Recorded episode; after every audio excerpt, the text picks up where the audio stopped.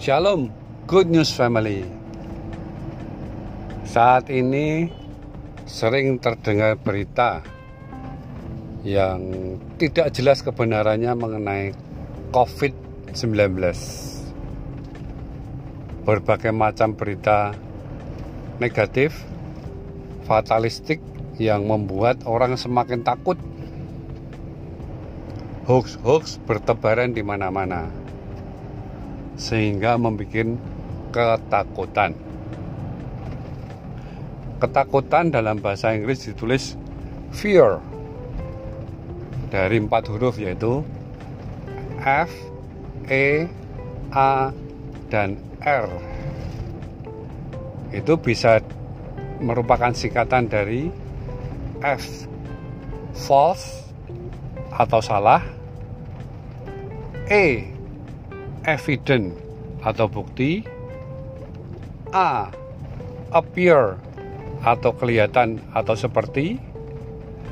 R real. Jadi fear bisa diartikan false evidence appear real. Bukti yang salah tapi kelihatan benar.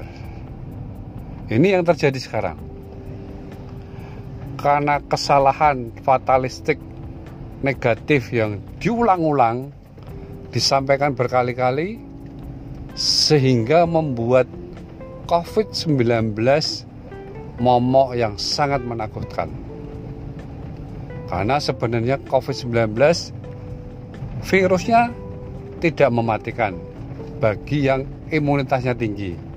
Memang penyebarannya yang masif tapi virus itu sebenarnya sangat mudah dikalahkan dengan pola hidup yang bersih, rajin cuci tangan, rajin mandi, menjaga jarak satu dengan yang lain. Itu cukup untuk membuat virus itu tak berkutik. Hanya karena sering kita mendengarkan bukti-bukti salah yang diulang-ulang terus. Makanya kita jadi fear.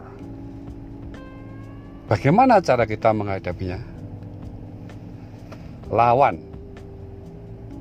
Setiap kita mendengarkan bukti yang salah hoax yang salah jawablah dengan kebenaran yang ada fakta yang ada.